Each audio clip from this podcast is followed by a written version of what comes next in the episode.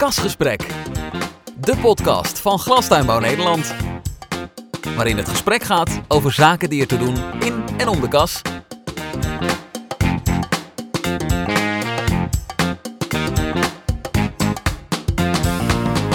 Kasgesprek.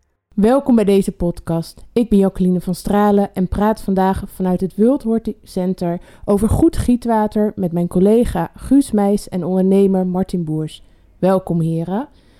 Martin, jij bent voorzitter van de Landelijke Commissie Amaryllis, eh, bestuurslid van de katvereniging Nieuwland-Noordland en bestuurslid eh, van de waterzuiveringscoöperatie in dat gebied. Ik moet zeggen, een hele mond vol. Eh, maar waar staat dat kat voor? Nou, dat kat dat staat voor Centrale Afvoer Drainagewater. Dat is in de jaren 80 uh, door onze ouders al aangelegd om verzilting van de sloten te voorkomen. En om de restanten van de methylbromide die toen nog aanwezig waren ook niet in de sloten te laten komen. En tegenwoordig functioneren die centrale drainafvoer als rioleringsstelsel voor de gemeente. Oké, okay, nou ook dat is uh, heel veel informatie. Je bent daarnaast ook voorzitter van de Landelijke Commissie Amaryllis. Je tilt Amaryllis, neem ik aan. Ja, voor de klopt. bol of voor de bloem? Voor de bol. Okay. Maar de Landelijke Amarylliscommissie is voor beide. Dus daar zitten de gecombineerde telers, uh, die zitten er allemaal in. Oké. Okay. En waar is je bedrijf gevestigd? Mijn uh, bedrijf is gevestigd in Schravenzande, 400 meter van de zee. Nou, dat is een prachtig gebied, neem ik aan. Um, wat heb je met water? Um, omdat wij zo dicht bij de zee zitten, uh, staat uh, verzilting uh, altijd klopt aan de deur. En het is best wel een hele tour om goed gietwater te hebben voor, voor de amaryllisteelt. Duidelijk, dus daar wil jij ook vooral erg voor inspannen om dat goed allemaal georganiseerd te hebben. In ieder geval om het niet slechter te laten worden. Heel duidelijk. Oké, okay, Guus, welkom ook jij. Jij bent in 2009 begonnen als beleidsspecialist water en omgeving, toen nog bij LTU Noord Glaskracht. Wat zijn nou de belangrijkste issues op jouw uh, thema? Ja, het thema is heel breed. Uh, de belangrijkste issues die zijn enerzijds waterkwaliteit, dus de kwaliteit van het oppervlaktewater. Waarbij we samen met de waterschappen de gebiedsgerichte aanpak hebben om de waterkwaliteit te verbeteren. Ook gietwatervoorziening, hè, waar we vandaag over hebben. Uh, maar zo zijn er ook nog andere thema's binnen het hele milieuveld, zoals lichtafscherming, maar ook opslaggevaarlijke stoffen. Dus het is een heel breed thema. En wat spreekt jou nou het meest aan? Want het zijn best wel veel onderwerpen waar uh, wel eens gedoe over is, denk ik. Dat klopt, er is zeker wel, wel wat gedoe over. Ik heb hiervoor in de particuliere advisering gezeten. En wat het mooie is van Glastuinbouw Nederland, is dat waar een ondernemer het niet in zijn eentje op kan nemen tegen bijvoorbeeld een overheid, kun je dat gewoon namens een hele groep ondernemers wel beetpakken. En dan kun je zeggen van nou ja, we gaan dingen bij de overheid aan de orde stellen hè, om dat geregeld te krijgen. Klinkt goed. Kasgesprek de podcast van Glastuinbouw Nederland. Goed gietwater is essentieel voor de glastuinbouwsector. Hè? Zonder goed gietwater zouden onze producten niet goed kunnen groeien, maar zouden we het water ook veel minder goed kunnen hergebruiken of minder lang kunnen hergebruiken. Er zijn volgens mij verschillende manieren om goed gietwater te realiseren. Maar Guus, wat uh, verstaan we daar eigenlijk onder, onder goed gietwater? Ja, van oorsprong wordt eigenlijk goed gietwater gezien als water met een natriumgehalte van minder dan 0,5 millimol. Maar je ziet dat door de toenemende milieueisen en de wens om veel meer water her te gebruiken, dat de eisen nog strenger worden eigenlijk vanuit de ondernemers gezien.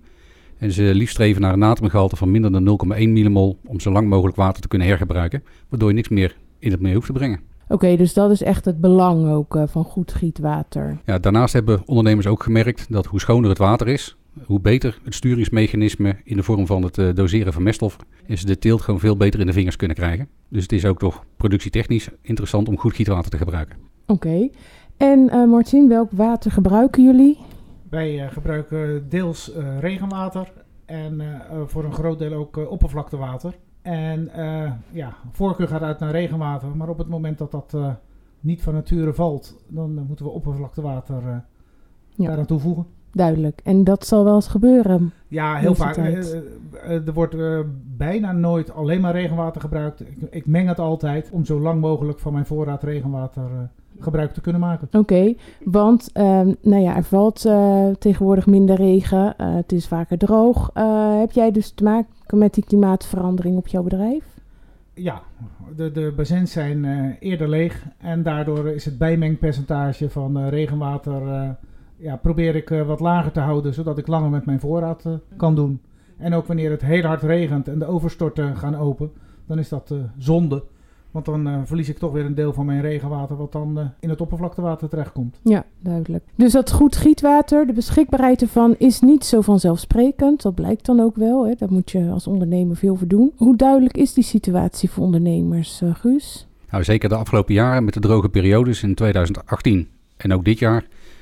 staat het zeker duidelijk op het netvlies bij ondernemers dat goed gietwater niet zomaar vanzelfsprekend is wat beschikbaarheid betreft. daarnaast loopt er al langere tijd discussie over het gebruik van grondwater en het ontzouten daarvan. Waarbij maatwerk op dit moment afloopt medio 2022. En waar gekeken moet worden of dat doorgezet kan worden en onder welke voorwaarden. dus ook dat staat bij de ondernemers duidelijk op het netvlies. En wat bedoel je met maatwerk? Maatwerk is de toestemming die de overheid gegeven heeft voor het toepassen van omgekeerd osmose. Mm Grondwater wordt ontzout in deels heel zoet water en deels zeg maar dubbel zoutwater, wat teruggebracht wordt in de bodem. Mhm. nou, daar heb je toestemming voor nodig. En de toestemming voor de installaties zoals ze in Zuid-Holland staan, die loopt af medio 2022. En daar moeten we nu over in overleg uh, of er alternatieven zijn. Of in hoeverre die toestemming doorgezet kan worden. Oké, en dat overleg, dat doe je, neem ik aan, met overheden? Dat klopt. Het is een complex proces, want we zijn al ook vele jaren bezig uh, met de discussie rondom omgekeerde osmose. En je ziet dat uiteindelijk het handelingsperspectief, zoals we het noemen, hè, de, de mogelijkheden die de ondernemer zelf heeft om iets te doen met gietwater, uh, uiteindelijk eindig zijn. Mm Kijken naar alternatieven die nu onderzocht worden, eh, die zijn vaak grootschalig. Hè, het zuiveren van effluent bijvoorbeeld, of het opslaan van water in de ondergrond. En daar heb je ook de overheid voor nodig. Eh, want als we bijvoorbeeld effluent willen gaan gebruiken, wil je wel ook op lange termijn dat effluent beschikbaar hebben. En als het waterschap besluit om het effluent in te gaan zetten om te zuiveren, om het oppervlaktewater te verzoeten, dan mis je je bron van gietwater. Is voor iedereen duidelijk wat dat is, effluent?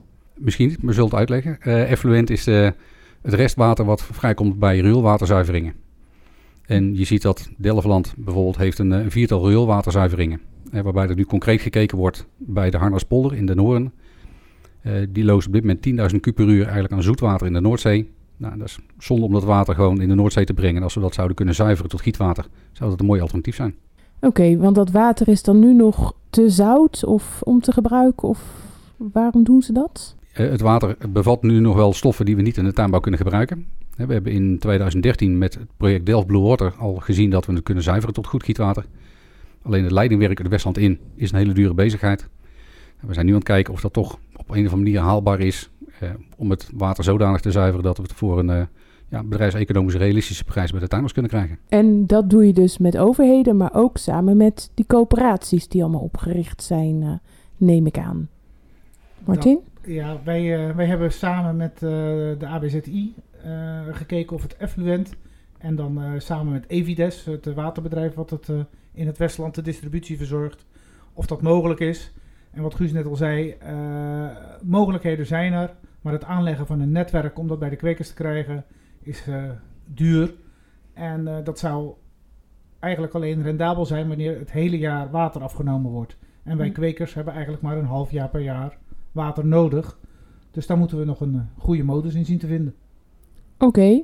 En Guus, wanneer uh, komt daar meer duidelijkheid over? Hoe, uh, hoe gaat zo'n proces? Nou, zo'n proces, proces heeft best wel een lange tijd nodig. mede ook omdat overheden vaak op een ander urgentieniveau zitten dan de, de glastuinbouw. Wij ervaren het nu twee jaar eigenlijk vrij kort na elkaar. Kijkend naar ambities bijvoorbeeld van Delftland, die wil circulair zijn in 2050. Nou, dat is toch nog best wel verder weg. We zijn nu met een gebiedsproces bezig waarbij alle belanghebbende stakeholders, hè, dat is zowel het waterschap, maar ook de provincie, de gemeente en wij als sector, met elkaar in gesprek zijn om te kijken hoe kunnen we nou zo'n plan neerzetten. Wat is het einddoel wat we bijvoorbeeld in 2040 willen bereiken? En wat zijn de stappen die we de komende jaren gaan maken om daar te komen? Martin, zijn eh, veel ondernemers zich bewust van dat dit soort ontwikkelingen nodig zijn? Ze merken het, dat gaf jij net ook al aan, hè, dat het uh, goed gietwater soms beperkt is. De ondernemers zijn er zich vooral bewust op momenten dat het uh, nijpend is. En op het moment dat er voldoende uh, regenwater valt of dat de sloten, het oppervlaktewater van goede kwaliteit is, dan zakt die urgentie weer een stukje terug. Ja, zo gaat dat natuurlijk met veel dingen inderdaad. Maar hoe zorg je dat ook in andere momenten dat ondernemers daar wel betrokken bij blijven? Uh, dat moet je doen op uh, avonden van, uh, van de coöperatie en je leden, zoals via deze podcast, op de hoogte blijven stellen wat er allemaal speelt. Kasgesprek. De podcast van Glastuinbouw Nederland. Er zijn verschillende waterstromen waar ondernemers dus gebruik van maken. En de mogelijkheden zijn volgens mij afhankelijk van het gebied waarin je zit. En wellicht ook de teelt. Uh, Guus, even een kort college. Welke verschillende soorten waterstromen zijn er? Uh, zet ze even op een rij voor de luisteraar. Ja, zoals Martin net ook aangaf, regenwater is eigenlijk de basis voor alle bedrijven. Regenwateropslag ook verplicht vanuit de wetgeving 500 kub per hectare minimaal. Maar dat is op een gegeven moment op in de zomerperiode. Uh, nou, daar zou je leidingwater bij kunnen mengen. Maar leidingwater is voor te drinken prima geschikt, maar voor planten nog redelijk zout. We hadden het net over wat is goed gietwater. En dan praten we over 0,5 of 0,1 millimol natrium. En in drinkwater zit ongeveer 2 millimol natrium. Dus dat is vrij hoog. Dat kun je wel weer ontzouten, maar dan ontstaat er een restproduct waar je ook weer wat mee moet. Oppervlaktewater kan voor sommige teelten geschikt zijn. Met name in de grondgebonden teelten zie je nog wel gebruik van oppervlaktewater naast gebruik van regenwater. Maar voor substraatbedrijven is dat ook te zout. En dan kom je uiteindelijk op grondwater uit, eh, wat je met een ontzouting geschikt kan maken. Nou, dat zijn eigenlijk is dat een speelveld wat de ondernemer heeft. Daarnaast zijn er nog wel onderzoeken naar andere mogelijkheden.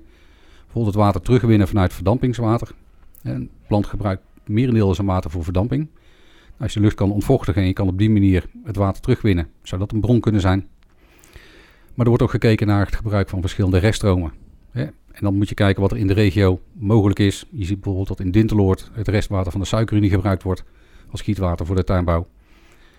Uh, bij de glasparel wordt het regenwater van een distributiecentrum naar de glastuinbouw afgevoerd.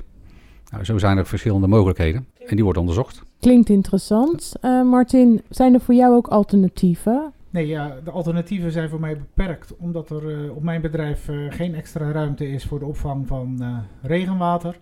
Dus op het moment dat het regenwater op is, dan moeten wij meer oppervlaktewater gaan gebruiken. En dat is vooral een probleem in april en de eerste helft van mei, want dan worden we eigenlijk vanuit de voorraad worden we gevoed. Op het moment dat uh, Delftland vanuit het uh, Brielsemeer uh, water gaat inlaten en dat door laat stromen in het Westland, dan gaat eigenlijk de waterkwaliteit in de loop van de zomer bij ons weer verbeterd die. En kunnen wij makkelijker oppervlaktewater gebruiken. Oké, duidelijk. En die verzilting waar je het net al over had?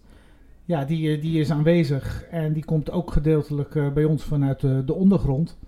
Dus ook uh, de, de, de ondergrond in de sloten, daar komt van onderuit uh, komt een stukje verzilting naar boven, wat zich in met het slootwater mengt. En daar uh, kunnen we niets aan doen. Nu niet en in de toekomst? nee, alleen meer doorstroming en voor de rest niet. Duidelijk, oké. Guus, net gaf je al wat alternatieven aan. die klimaatverandering, hè, die stimuleert ook denk ik het onderzoek naar alternatieven. Eh, dat gaf je net ook al eigenlijk aan. Uh, welke alternatieven worden er nog meer onderzocht? Een onderzoek wat ook loopt, en we zeiden net al, veel, veel stakeholders zijn erbij betrokken bij dit soort projecten. Uh, zie je bijvoorbeeld met het opslaan van water in de ondergrond.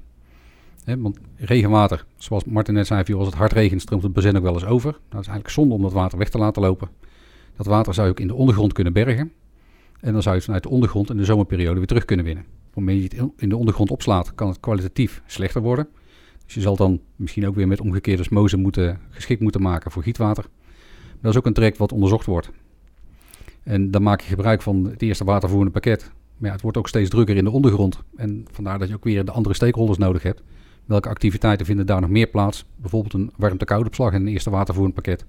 Zodat je wel met elkaar op de juiste manier zo efficiënt mogelijk gebruik maakt van het eerste watervoerend pakket. Nou, dat klinkt als nog veel uitdagingen. We hebben dus droogte en schaarste daarbij mee te maken. Maar we hebben af en toe ook uh, last van extreme regenbuien, zoals afgelopen weekend. Hè. En dan, uh, lopen de, dan lopen de goten over. Dat is alleen maar vervelend. Maar volgens mij is er ook een project dat juist inspeelt op die extreme regenval. Guus, kan jij daar wat over zeggen? Ja, dat is het project Rainleveler in het Westland. maar wat ook in principe toepasbaar is gewoon in andere delen van, uh, van Nederland. Waarbij het waterschap probeert te voorspellen welke regenbui er aankomt. En op het moment dat er een hele zware regenbui aankomt, nou, dan heeft dat zijn effect op de waterbergend vermogen van de sloten. En dan kan het waterschap tuinders vragen om een deel van het bazin leeg te laten lopen. Dat doen ze dan zo'n twee, drie dagen van tevoren voordat die bui komt. Dat water kunnen ze nu nog wegpompen uh, de poldergebied uit. En vervolgens is er dus ruimte in het bazin om de hevige neerslag te kunnen bergen. Oké, maar dan eigenlijk heb je je bazin met gietwater. En dat gaat dan, het stroomt er dan weer uit. om vervolgens ruimte te maken voor eh, dat overtollig regenwater. Dat klopt. Ja. En, eh, maar dat is dan wel weer te gebruiken als gietwater op de bedrijven. Ja, op dit moment niet. Uh, Rainleveler is ontstaan als een project echt om wateroverlast te voorkomen. Je ziet nu wel dat er combinatie gezocht wordt met het project CoStar. Dat is een vrij groot project met betrekking tot opslag van water in de ondergrond. En een onderdeeltje daarvan is de Waterbank Westland. En er wordt nu gekeken naar een koppeling tussen Rainleveler en CoStar. Waarbij je het water wat je uit het bazin weg laat lopen, niet afvoert en dat je het kwijt bent, maar dat je het inbrengt in de ondergrond, zodat je het voor latere momenten nog uh, kan terughalen. Dit is in het Westland. Uh, Martin, is jouw bedrijf hierbij aangesloten? Uh, nee, mijn bedrijf is niet aangesloten, want ik heb alleen maar de verplichte 500 kub per hectare. En dat uh, wil ik uh, heel graag gebruiken. En zo dicht langs de kust kan wel eens een voorspelde regenbui net wel of niet aankomen. En als je dan de helft van je water ook nog kwijt bent, dan is dat zonde. Dat is inderdaad zonde. Nee, inderdaad, dat schiet niet op. een Westlands project, maar is dat ook iets wat in andere regio's, tuinbouwregio's zou kunnen opgezet worden? Ja, dat is zeker mogelijk. Je ziet nu al dat doordat de neerslag toeneemt, dat waterschappen meer bergingscapaciteit eigenlijk willen hebben in gebieden. Nou, glasaanbouwgebieden zijn bij uitstek eigenlijk best wel verharde gebieden, dus het water stroomt snel af naar het oppervlaktewater toe, waardoor je meer bergingsruimte nodig hebt. Nou, in drukke glasaanbouwgebieden kun je dus eh, bijvoorbeeld eh, in Alsmeer of zo zou je dit ook kunnen toepassen. Oké, okay, dus kansrijk om uit te breiden, begrijp ja. ik. Oké. Okay. Kasgesprek de podcast van Glastuinbouw Nederland. Als we even doorkijken naar 2027, Guus, dat is een, uh, volgens mij een belangrijk jaar als het om water gaat. Um, welke belangrijke uitdagingen komen we dan tegen? Ja, 2027 is specifiek een datum voor de nagenoeg nul-emissie die afgesproken is. En glastuinbouwbedrijven moeten dan streven om nagenoeg geen meststof en gewasbeschermingsmiddelen meer in het milieu te brengen. Nou, daar zitten nog een aantal andere data omheen. Je ziet bijvoorbeeld medio 2022 voor het maatwerk van omgekeerde smozen. Maar bijvoorbeeld ook een streven, wat nu binnen Greenport West-Holland afgesproken is, om in 2040 de alternatieve watervoorziening daar in ieder geval een toekomstplan voor te hebben. Nou, dat zijn een aantal data waar gewoon de ondernemers rekening mee te houden hebben. En uiteindelijk zie je dan dat uh, ja, dat in stappen uh, opgelost moet worden. Mm. Oké. Martin, uh, welke uitdagingen zie jij voor ondernemers de komende jaren? Nou, ik zie voor de ondernemers langs de kuststrook hele grote uitdagingen. Omdat ik uh, op dit moment niet zou weten hoe we die ontzilting van ons uh, oppervlak, of de, de verzilting van ons oppervlaktewater uh, tegen moeten gaan. En als dat echt zover gaat komen, dan zullen we het oppervlaktewater eerst moeten gaan zuiveren voordat we het gaan gebruiken, zodat we met minder water toe kunnen. Jij verwacht dus dat het echt wel grote effecten gaat hebben voor de glastuinbouwbedrijven langs de kust. Zeker voor de grondgebonden teelten gaat dat uh, grote uh, effect hebben. Heb je een tip voor ondernemers? Nee, de enige is uh, breng je waterstromen in, in kaart. En misschien kunnen we wat onderzoek laten doen wat, wat de kritische grenzen zijn voor bepaalde teelten. En voor mij dan voor de amarilleteelt. Tot welk natrium- en chloorgehalte we nog ja, uh, kunnen telen en dat we daar nog rendement van kunnen halen. Duidelijk, uh, mooie uitdaging. Guus, jij een tip? Ja, breng inderdaad je waterstromen op het bedrijf in beeld. Uh, kijk naar je watervraag, maar oriënteer je ook goed wat er allemaal speelt. Er wordt op dit moment heel veel onderzoek gedaan, ook naar verschillende waterstromen, ook hoe je mee om kan gaan met die waterstromen. bijvoorbeeld natriumgehalte, hebben we net al genoemd, is belangrijk voor het gewas. maar er zijn ook manieren om eventueel met meer natrium te kunnen telen. Nou, dat zijn allerlei verschillende facetten van onderzoek. Uh, waterterugwinning hebben we al genoemd. Maar ook wat er in de buurt gebeurt. Wat is er aan ontwikkeling van alternatieve watervoorzieningen? een waterbank, dus uh, een grootschalig systeem om water in de ondergrond op te slaan. Of zijn er mogelijkheden voor het aanleveren van hergebruik van effluent? Dus het is een heel dynamische wereld momenteel. En tot nu toe is het ja, bijna voor hem vanzelfsprekend aangenomen. Ja, we zitten in een waterland, dus water is altijd voldoende beschikbaar. Nou, dat begint nu te veranderen. Uh, dus het is goed voor ondernemers om zich daar, uh, daarop te oriënteren, want je kan er ook slagen mee maken in je teelt. Die waterstromen, waterhuishouding, daar hebben jullie het over, in beeld brengen. Is dat voor ondernemers uh, heel eenvoudig of hebben we daar tools voor? Nou, er zijn tools voor. Ehm, we hebben in het kader van de zuiveringsplicht een aanpak nullozing gemaakt. Nou, dat impliceert dat je daarvoor dan moet streven naar, naar een nullozing toe. Maar het mooie is dat in die aanpak ook een heel opsomming staat van welke waterstromen je allemaal op het bedrijf kan tegenkomen.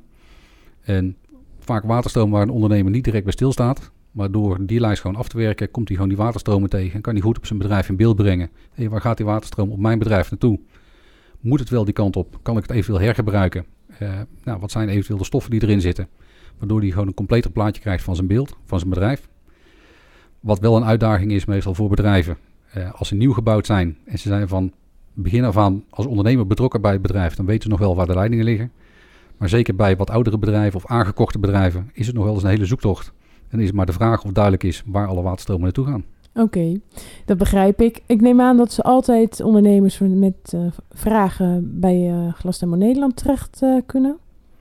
Ja, voor vragen kunnen ze altijd bij Glastemmer Nederland terecht. er staat ook heel veel informatie op onze website Glastemmer Waterproof, waar alle onderzoeksresultaten te vinden zijn.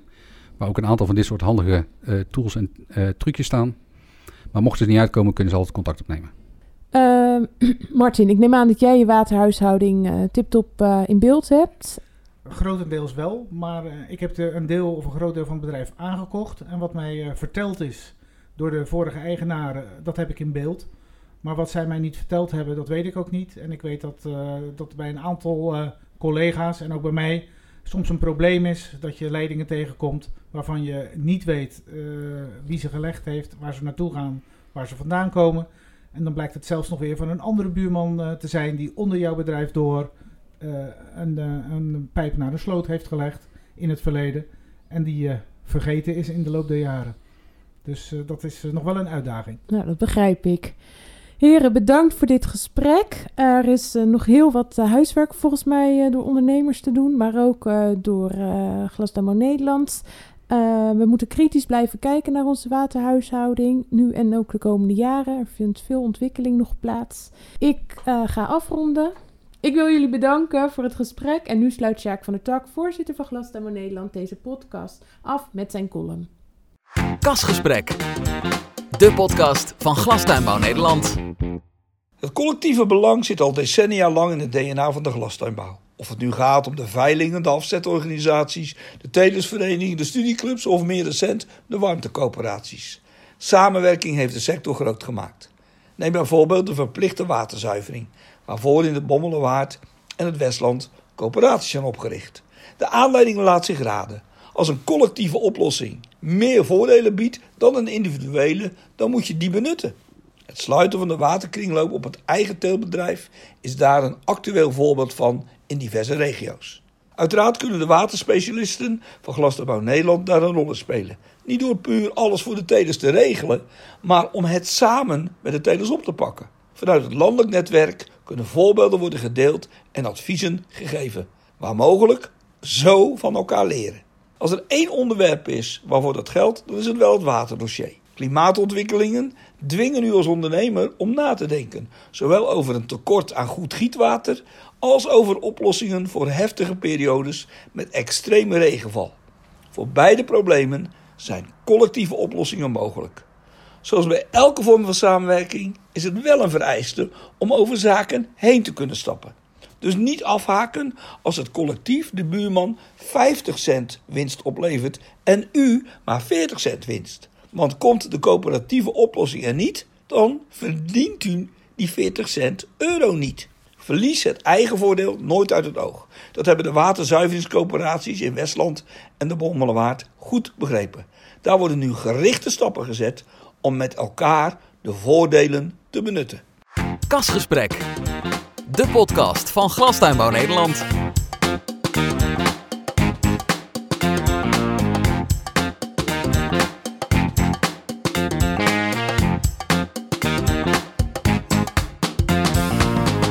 Kasgesprek.